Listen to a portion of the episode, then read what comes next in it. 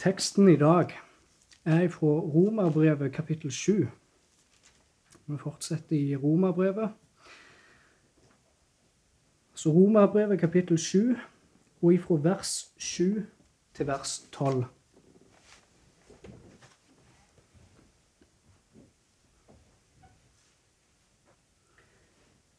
Vi må lese. Hva skal vi da si? Er loven synd? På ingen måte. Men jeg lærte ikke synden å kjenne uten ved loven. For jeg hadde ikke kjent til begjæret om ikke loven hadde sagt, du skal ikke begjære. Men synden som tok anledning av budet, virket all slags begjær i meg. For uten lov er synden død. Jeg levde en gang uten lov, men da budet kom, våknet synden til live, og jeg døde. Og slik fikk jeg erfare at det budet som skulle gi liv, det ga meg død. For synden tok anledning av budet og bedro meg, og ved dette drepte den meg. La det, da, la det da stå fast at loven er hellig, og budet er hellig og rettferdig og godt.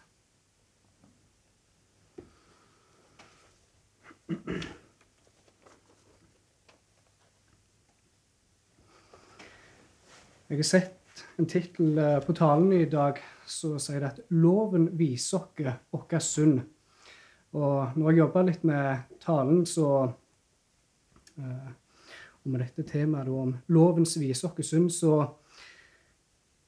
kom jeg til å tenke på For noen år siden så var det en fjernsynsserie om den kjente mesterkokken uh, Gordon Ramsay, der han reiste rundt til forskjellige restauranter Eh, så sleit med å holde businessen sin gående. Og i flere av tilfellene så trodde eierne av de forskjellige restaurantene at eh, yes, nå skal vi få besøk av en god kokk som bare skal hjelpe oss å gjøre restauranten enda bedre. Og de tenkte kanskje at eh, alt sto greit til. De hadde gjort det de skulle, og tenkte ikke at det var noe galt de sjøl hadde gjort. Men så viste det seg gang på gang da når uh, Ramsay gikk i restauranten deres, og han så på menyen, han så på maten, han så på kjøkkenet. Og gang på gang så han hvor dårlig det var drevet. Maten var dårlig, kjøkkenet var kjedelig, det var dårlig hygiene. Kjøkkenet var ufyselig, og ofte så drar han fram råtne matvarer som har ligget lenge og blitt mygla og ringer, og viser, det, viser, dette her til eieren og sier liksom Se dette her søppelet som dere serverer kundene deres. Og når eieren da fikk se hvordan det faktisk sto til i restauranten deres, så ble jeg ydmyka. Og på den måten da så Gordon Ramsay virka med at han gikk i restaurantene til og besøkte eiere som trodde alt sto godt til i restauranten. Men så gikk han og så at uh, her er det noe galt, her er det noe galt. Og dro fram ting etter ting og viste dem hvor dårlig det faktisk sto til i deres restaurant. Og at de var på vei til å kjøre restauranten helt i grus. Så skal vi se også i dagens tekst at uh, loven fungerer på samme måte. Loven viser oss vår synd. Mennesket tror at en kan ha alt i orden, men når loven blir konfrontert, når loven blir sett fram, så setter den lys på vår synd og viser at det står ikke så godt til. Og dagens tekst det begynner med et spørsmål. Hva skal vi da si er lovens synd? Vi fikk høre sist søndag hvordan Paulus, når han skulle forklare dette med at loven har herredømme over et menneske så lenge det lever. Og For å forklare dette så brukte han et eksempel med et ekteskap. Der han forteller dere, forteller at når ei dame har en ektemann, så er hun med loven bundet til sin ektemann så lenge han lever. Men hvis ektemannen dør, så er dama fri til å kunne gifte seg på ny med en ny mann. Hvis hun da gifter seg med en annen mann mens hennes mann ennå lever, så skal hun kalle seg horkvinna. Men hvis da mannen dør, så er hun fri til å gifte seg på ny. Og Paulus brukte dette eksempelet for et ekteskap for å forklare situasjonen, for å forklare realiteten til sine lesere, til sine lyttere. At Adam, vårt gamle menneske, vår gamle ektemann, om du vil, han er død. Og på grunn av at han er død, så kan vi nå gifte oss på ny med en ny mann og en bedre mann med Jesus Kristus. Og som Håvard sa, ikke bare kan vi, men vi er nødt for det. Vi må gifte oss på ny.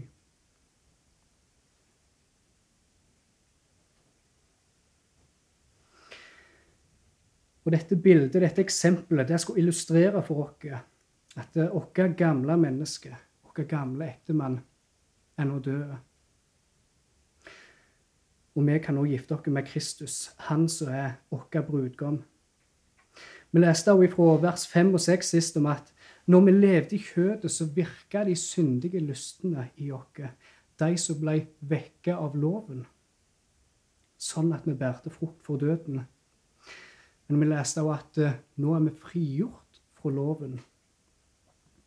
Vi er døde fra det som holdt dere fanga, sånn at vi nå kan tjene i åndens nye vesen. Det sto ting som at uh, de syndige lystene i oss ble vekka ved loven. Og at vi er frigjort fra loven ifra det som holdt dere fanga. Og når Paulus skriver sånne ting om loven, så forutser han på ny, sånn som han allerede har gjort med flere anledninger i Romerbrevet, at det vil komme en innvending til dette her. Og innvendinga som kommer, det er dette spørsmålet som teksten begynner med. Hva skal vi da si? Er loven synd? For de som da ikke forsto Paulus, eller bare ville feiltolke han, når de da kunne lese eller høre dette, at de syndige lystene som mennesket ble vekka med loven, så vil de kanskje på ny, sånn som vi så i Romeren 3, prøve å legge sin egen skyld over på noen andre eller på noe annet. Og i dette, og i dette tilfellet loven. Jeg ville prøve å sette loven fram som det skyldige her. En ville gjerne sagt at vi var jo bundet av loven. Det er urettferdig at eh, vi skal få skylda for synd. Lystene våre, de syndige lystene ble vekka ved loven, står det. Er det da vår feil? Kan vi da bli anklagt Kan vi da bli anklagte for synd? Kan vi ikke heller da anklage loven for å være syndige? Og Paulus svarer, som han har gjort så mange ganger, på ingen måte. La det være langt vekk ifra å tenke en sånn tanke at loven er sunn. Det er som at Paulus sier Gud forby at det skal være tilfellet. På ingen måte er loven sunn. Og Paulus skal gå videre nå til å forklare dette her, hvorfor ikke loven er sunn, hvorfor loven er hellige og rettferdige og gode. Vi leser videre i vers 7. Men jeg lærte ikke synden å kjenne uten ved loven. For jeg hadde ikke kjent til begjæret om ikke loven hadde sagt, du skal ikke begjære. Her ser vi en av lovens funksjoner en av lovens funksjoner, nemlig det at loven gir oss kunnskap om vår synd. Loven gir oss den rette kunnskapen om vår synd. Både synd universelt sett, men også synd i vårt eget liv. Og Paulus sier her at det er synden som dveler i oss. Det er det som er problemet, ikke loven. Men loven det er som et svært flomlys som setter sitt lys på oss og viser oss og viser synden sitt sanne ansikt.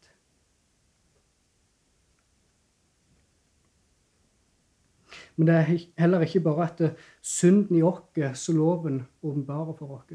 Loven åpenbarer også Guds rettferdighet for oss. Loven gir oss kunnskap om Gud og hans rettferdighet. Og det er nettopp det å stadfeste loven, bekrefte loven, Paulus kommer til å gjøre i denne teksten.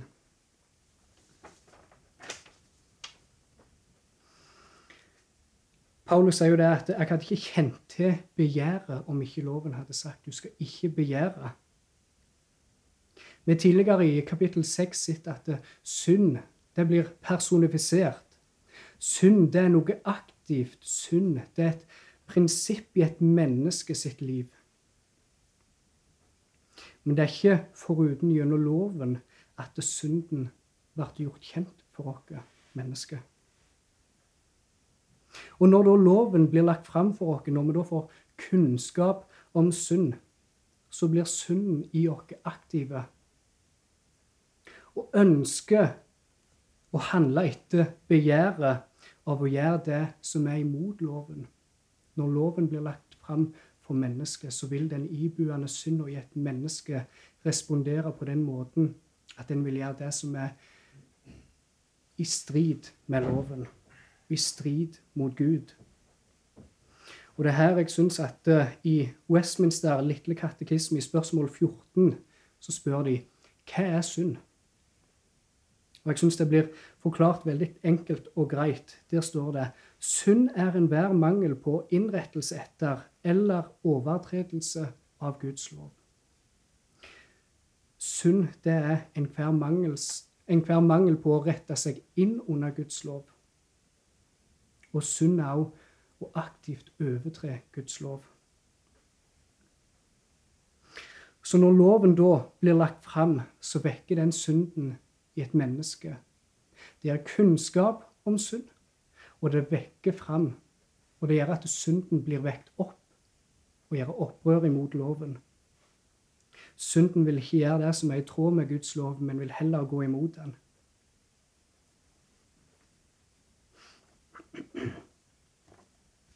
Og det er derfor, da, som vi ser Paulus sier, for jeg hadde ikke kjent til begjæret om ikke loven hadde sagt du skal ikke begjære.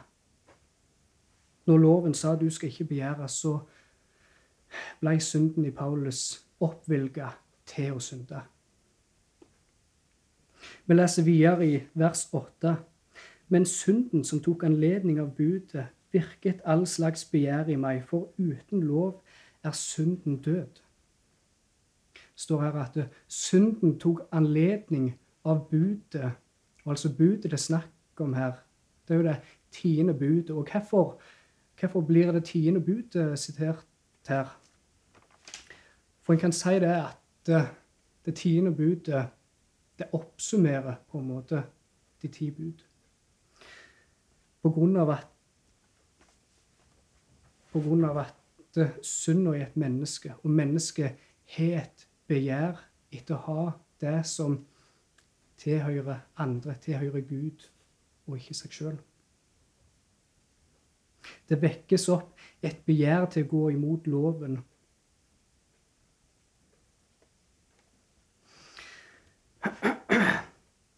Og når en da begjærer som jeg sa, så ønsker en å ha noe som ikke tilhører seg sjøl. En ønsker å ha noe som er andre sin eiendom. Om det er penger, hus eller bil eller hva det enn er, så er dette begjæret en har, en syndig lyst. Så får dere til å tro at det, er vi sjøl som skal ha all makt og ære, og ikke Gud. En ønsker å være som Gud. Akkurat som den første synden i Edens hage. I slutten av vers 8 så sto det at foruten lov er synden død. Og Hva mener Paulus med dette her, med at foruten loven så er synden død? Når noe er dødt, så er det ikke lenger aktivt. Det produserer ingenting. Og dette kan en si om synd før loven. Synden er inaktive, og han ukjente. fram til loven kommer og setter lys på synden i vårt liv. For loven, som vi så, den gir kunnskap om synd. Og Når da Paulus igjen sier 'Jeg lærte ikke synden å kjenne uten ved loven', eller når han sier at synden tok anledning av bud og virker all slags begjær i meg,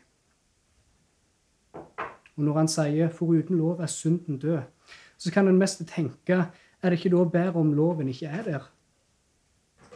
Hvis synden er død når loven ikke er der, er det ikke bedre om bare loven ikke er der? Så har vi ikke synd. Det er ikke det som er poenget til Paulus her. For synden, den bor i mennesket. Men han er død på den måten at uten loven så får han ikke kunnskap om han, og han blir ikke oppvilga til å utføre sine syndige lyster, og det gjør opprør imot Guds lov.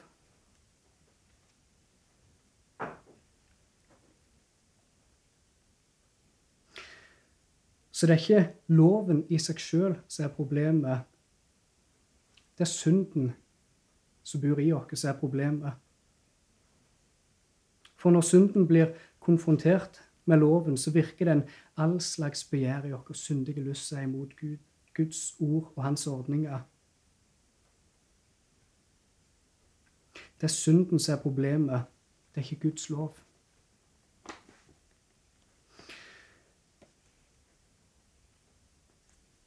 Vi først sett på at et av aspektene med Guds lov det er at den skal vise oss vår synd. Og Vi har også sett litt nå på at hvordan loven, når den blir konfrontert, eller når den blir framvist for synd, så fører, til, så fører det til at synden ønsker å gjøre opprør. Den vekker opp synden i oss.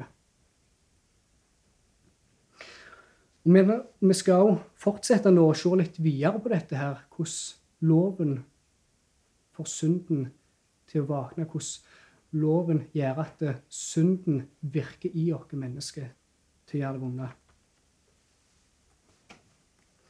Paulus sier videre ifra vers 9 at 'jeg levde en gang uten lov'. Når han sier dette, her, så er det viktig igjen å huske konteksten hvor vi er. For sist søndag så, så vi at i forbegynnelsen av kapittel 7 så taler Paulus til de som kjenner loven. Han vender nå sitt blikk imot jødene, de som kjente loven. Det er de som nå er hans primære publikum. Og dette vil være veldig til hjelp for de jødiske lytterne til Paulus. For når han sier det at 'jeg levde en gang uten en lov', uten lov, så ville kanskje noen av jødene setter litt spørsmålstegn med dette her. For i Filipperne 3 Det kan være med meg der. Filipperne 3 så har vi Paulus sitt vitnesbyrd, om du vil, før Kristus. Filipperne 3, og vi leser ifra vers 3. For det er vi som er omskjærelsen, vi som tjener Gud i ånden, roser oss i Kristus Jesus, ikke setter vår lit til kjød, selv om jeg også kunne sette min lit til kjød. Hvis noen andre mener de kan sette sin lit til kjød, kan jeg det enda mer. Jeg er omskåret på den åttende dag av Israels ett, av Benjamins stamme, en hebreer av hebreerne, i forhold til loven, en fariseer. I nidkjærhet, en forfølger av menigheten, og etter rettferdigheten i loven var jeg blitt ulastelig. Folk som kjente Paulus, de kjente han som en fromme, en gudfryktig mann, så mente at han holdt loven, han levde et gudfryktig liv etter loven. Så for at Paulus skulle si 'jeg levde en gang uten lov', så ville det vært veldig spesielt, spesielt for de jødiske lytterne som kjente til Paulus, å høre han si det.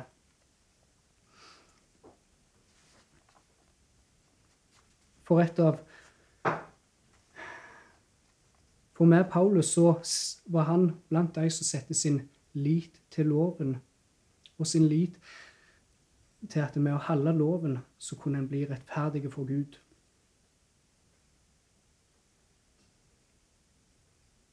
Og som det sto, han var nidkjære og en forfølger av Guds menighet. Og når han forfulgte menigheten, så trodde han at han gjorde Guds vilje.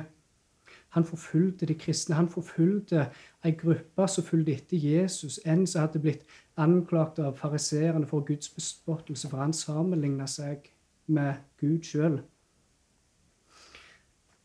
Og da ville jo han sett på seg sjøl og det han gjorde når han forfulgte menigheten, som en rette ting å forfølge de som spotta Gud. Så når Paulus da sier 'jeg levde en gang uten en lov', levde en gang som en lovlaus, er det det du prøver å si, Paulus? Når Paulus sier at 'jeg levde en gang uten en lov', så snakker han og prøver å forklare det at han levde en gang uten en, med en feil forståelse av Guds lov.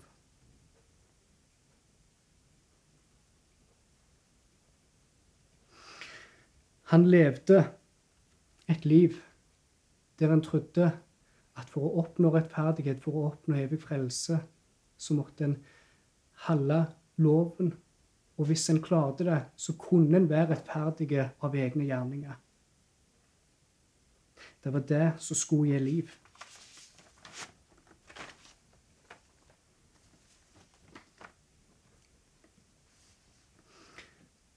Vi går tilbake igjen til teksten i Romerbrevet 7. For han sa det at eh, 'jeg levde en gang uten en lov', men da budet kom, våknet synden til live, og jeg døde. Her igjen så gjentar han når budet kom, så våkna, våkna synden til live. Synden i Paulus våkna til live, og han sier 'jeg døde'. Han trodde at eh, alt sto godt til med han. Han trodde han var en rettferdig mann i Guds øyne. Med å betalt sin egen regning, om du vil. Men når Paulus fikk øynene opp for loven, når loven ble åpenbart for Paulus, så han fikk se hva loven faktisk gjør Når han fikk en rett forståelse av loven, så forsvant alt håp om sjølrettferdighet. Og han ble ydmyka av den dødsdommen som sto imot ham pga. brudd på Guds lov. Og han sier det at 'jeg døde'. Og dette med, dette med død er noe som vi ser blir gjentatt i de tre neste versene, både i vers 9, 10 og 11. Og disse tre versene da, de følger en annen. Det er et argument som Paulus prøver å bygge opp. Det er et poeng han prøver å få fram. Og han viser på en måte steg for steg hvordan synden blir vekk til live når budet kommer, når loven kommer, og at dette fører og dette førte til død hos Paulus.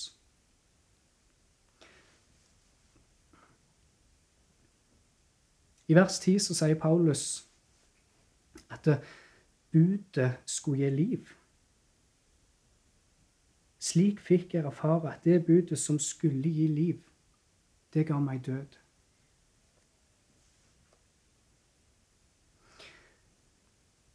Skulle budet, skulle loven gi frelse til de som holdt loven? Til punkt og prikke. Loven var aldri meint til å være et middel for rettferdiggjørelse. Loven var ikke meint til at det skulle være en standard som vi skulle kunne klare å holde for å få for å bli rettferdiggjort. Men som Paulus sier i kapittel 2 i Galaterbrevet, fordi vi vet at et menneske ikke blir rettferdiggjort av lovgjerninger, men bare ved tro på Jesus Kristus, så trodde også vi på Kristus Jesus for at vi skulle bli rettferdiggjort ved tro på Kristus, og ikke av lovgjerninger. For av lovgjerninger blir intet kjød rettferdiggjort. Så ingen menneske blir rettferdiggjort, som vi har sett gang på gang når gjennomgangen av romerbrevet, av lovgjerninger. Og Det står fortsatt at budet skulle gi liv. Paulus sier at budet skulle gi liv. I 3 Mosebok kapittel 18 og vers 4 og 5 så kan vi lese Dere skal gjøre etter mine lover og holde mine lover, så dere vandrer i dem. Jeg er Herren, deres Gud. Derfor skal dere holde mine lover og mine dommer. Det mennesket som gjør dem, skal leve ved dem. Jeg er Herren. Loven, det var meint til å sikre det livet som Gud har gitt dere. Dette livet som består i hellighet og i glede. Loven skulle sikre dette livet for et menneske, men faktumet er det at loven gjorde det motsatte. Det ga bare død, ulykke og elendighet. For som jeg sa, loven var ikke ment som et middel for personlig rettferdiggjørelse. Loven var ikke ment til å frelse, men at som Paulus før trodde, at med å følge loven, med å holde loven, så skulle det gi evig liv. Men igjen, til Paulus' sin store skuffelse og sorg, så ga det bare død. For han så ga det den motsatte effekten av hva Guds lov skulle gi.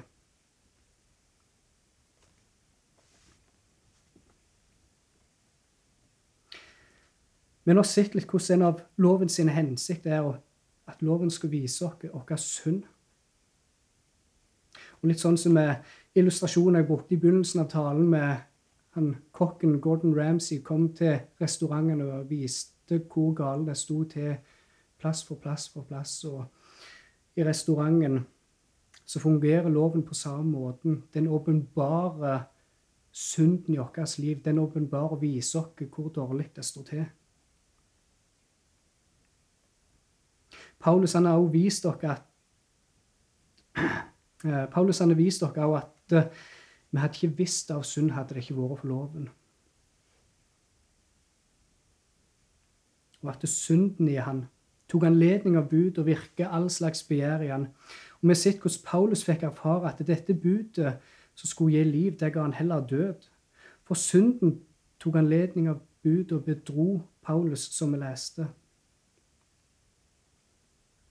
Det bedro Paulus til å tro at han kunne oppnå liv sjøl, og at den loven som han elska, den loven som han mente han overholdt til punkt og prikke, den ga han faktisk bare død.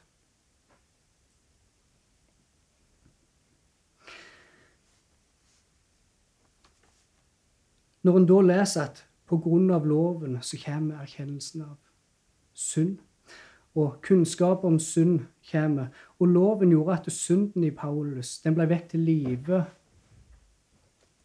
sånn at den reiser seg opp i opposisjon til Guds lov, så kan det igjen være fristende for noen til å spørre det spørsmålet som dagens tekst begynte med er da loven sunn? Hvis loven virker på den måten at uh, den viser oss synd, og den virker i et menneske på den måten at synda vekkes til live, er da loven synd? Nei, vi må gjenta som Paulus på ingen måte. For som jeg sa tidligere, problemet er ikke loven i seg sjøl. Problemet for oss mennesker er ikke Guds lov. Problemet er synden. Problemet er synden som blir bor i oss mennesker Og Poenget til Paulus i denne passasjen er at han skal forsvare Guds lov. Han prøver å forsvare og stadfeste Guds lov. Og Vi kan da lese til slutt i vers 12 at la det, da, la det da stå fast at loven er hellig, og budet er hellig og rettferdig og godt.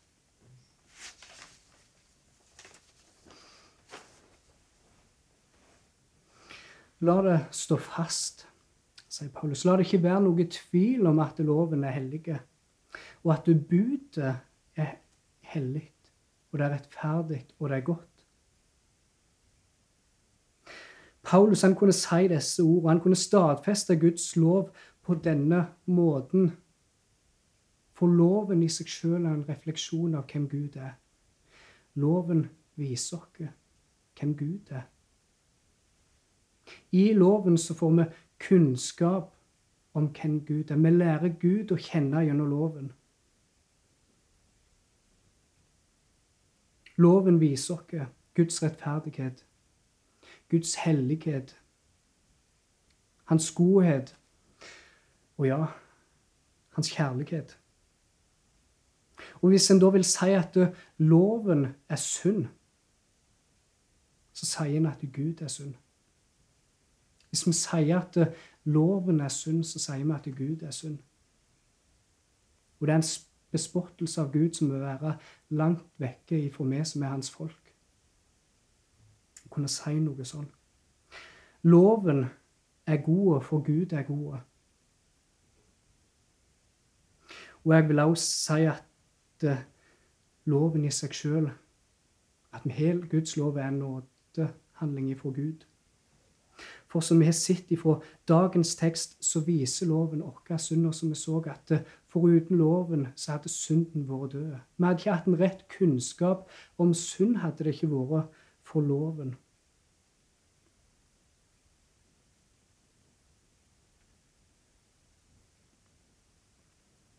Ikke som at synden i oss ikke eksisterer med at synden var død hvis loven ikke var der men at vi får den rette kunnskapen om synden som bor i oss. Og når vi da kommer til en erkjennelse av at jeg er en synder Jeg trodde jeg hadde holdt loven. Jeg trodde jeg hadde levd et rettferdig liv framfor deg, Gud. Men loven vist meg at jeg er ikke det. Loven vist meg at jeg er så langt vekk fra Guds standard. Og at jeg fortjener døden for brudd på din lov, Gud så vil jeg si at Gud er så nådig mot dere med at vi faktisk får komme til dette stadiet for å se at vi er syndere. Jeg vil kalle det en Guds nåde.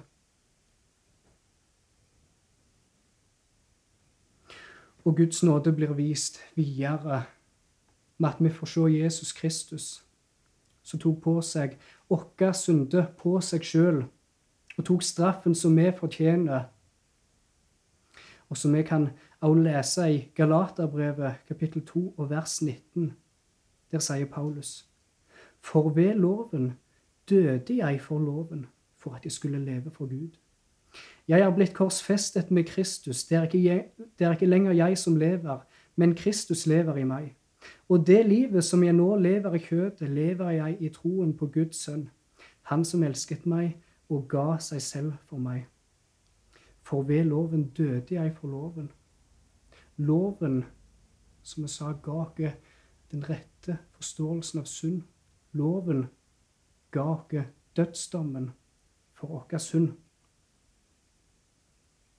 Og vi har rettmessig ut ifra loven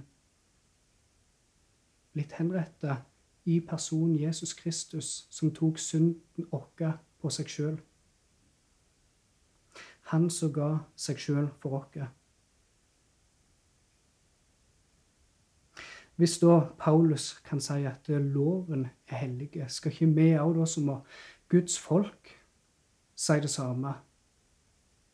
Eller vil vi prøve å falle i grøfta med å si at eh, loven er sunn? Ikke vi òg si at loven er hellig, loven er god, for Gud er god?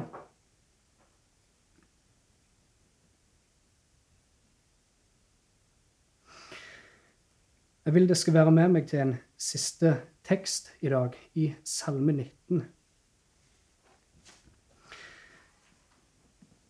Paulus sier at eh, loven er god. At loven er hellig, og budet er rettferdig og hellig og godt. Salme, Salme 19.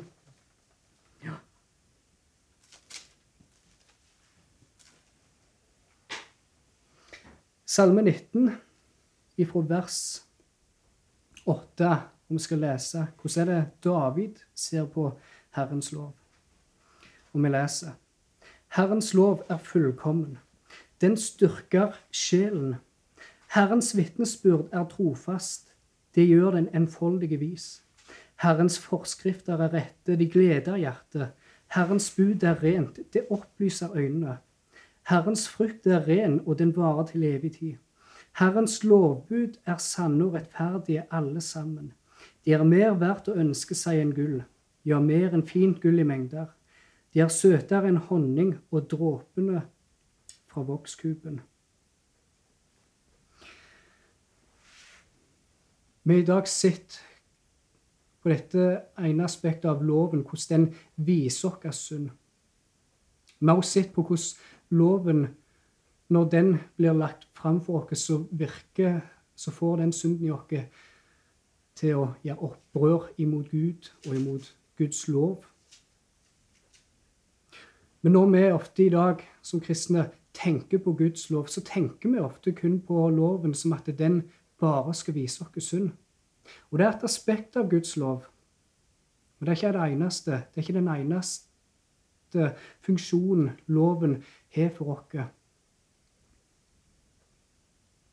Loven, Guds lov, det er vår rettesnor i livet. Den viser oss hvordan vi som rettferdige mennesker, vi som er blitt rettferdiggjort av Jesus, skal leve her på jord. Loven viser oss hvordan vi skal leve i menighet, i familie, hvordan vi skal leve på arbeidsplass. Loven viser oss hvordan vi skal kunne leve til Guds ære. Hvordan vi skal leve et liv her som Guds folk. For vi som mennesker er sett her på denne jord til å reflektere Gud. Til å vise at vi er skapt i Hans bilde. Og vi er sett her til å kunne leve, og til å leve i etterfølgelse av Guds lov. Og som David sier her i Salme 19 Herrens forskrifter er rette, de gleder hjertet. Herrens bud er rent, det opplyser øynene. Herrens bud, det er rent, og det opplyser hjertet vårt. Og som han og som han også sa til israelsfolket i ørkenen Dere skal holde mine lover, dere skal følge mine lover. Dere skal leve etter dem. Og som vi også sett i Romerbrevet tidligere, at eh, den som er rettferdig av tru, den skal leve. Og den som er rettferdig av tru, den vil leve etter Guds lov, som nå er skrevet ned i vårt hjerte. Og Jeg vil også ta en siste ting for. Vi har sett at ikke bare loven i dagens tekst er blitt nevnt, men også budet. Som jeg sa, det er det tiende budet Paulus siterer til. Det tiende budet. Du skal ikke begjære de nestes hustru, hus, husdyr og det som hører de neste til. Du skal ikke begjære det. Du skal ikke være misunnelig på han. Og det er en ting jeg har sett sjøl å passe seg for. Veldig. Og for å ta et veldig spesifikt eksempel Nå i det siste så er det jo, uh, sett at Elon Musk, han, eieren av Tesla, vil kjøpe uh, Twitter, denne sosiale plattformen. Og mens denne saken er pågått, så har jeg jo sett i mange kommentarfelt, kommentarfelt eller hørt folk som sagt altså bruke 144 nei, 44 milliarder dollar på dette. her Kunne han ikke bare brukt pengene til å gi til de fattige, eller folk snakker på samme måte om fotballspillere f.eks. som tjener så mye lønn. Og jeg sitter og tenker Når en sier sånn Hvorfor skal en bruke penger på det? En bør heller bruke det på noen andre ting. Da sitter en med misunnelse. For når en tenker på den måten, så ønsker du å ha det så, den eiendommen som hører noen andre til. En tror at en sjøl vet bedre hvordan en skal styre eiendommen til sin neste.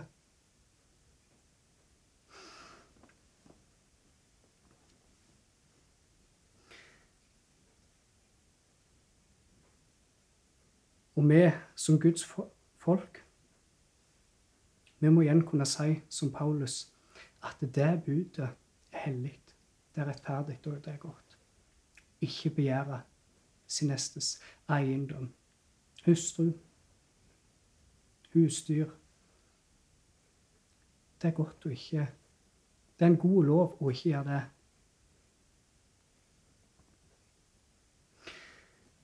Så la oss nå òg igjen konkludere på ny, og at vi igjen i sammen med Paulus kan stadfeste at Guds lov er gode. Guds lov er ikke synd, og la det være langt vekk ifra oss å tenke på en sånn måte. Men loven er god. Amen. Himmelske Far. Herre, jeg ønsker å be om at du må jobbe med hver og en av oss som sitter her. At vårt sinn blir fornya dag til dag etter samsvar med din lov. at vi ønsker dag for dag å bli fornya etter ditt ord. At vi ønsker å i takknemlighet til frelsen og i med det verket du har gjort i oss, med din hellige ånd så kan vi nå leve og følge loven, som ikke er tunge, som ikke er en tung byrde, men at vi kan leve og følge loven, som viser oss hvordan å leve, som sikrer oss livet, som sikrer glede for oss og hellighet. Takk, kjære Herre, for at vi har din lov. Og takk for at du har den ved Den hellige ånd gitt dere det at vi nå har fått loven nedskrevet på hjertet vårt, og at vi nå kan følge den. I takknemlighet og glede til frelsen som du har gitt dere, Jesus. Det ber jeg om i Jesu navn. Amen.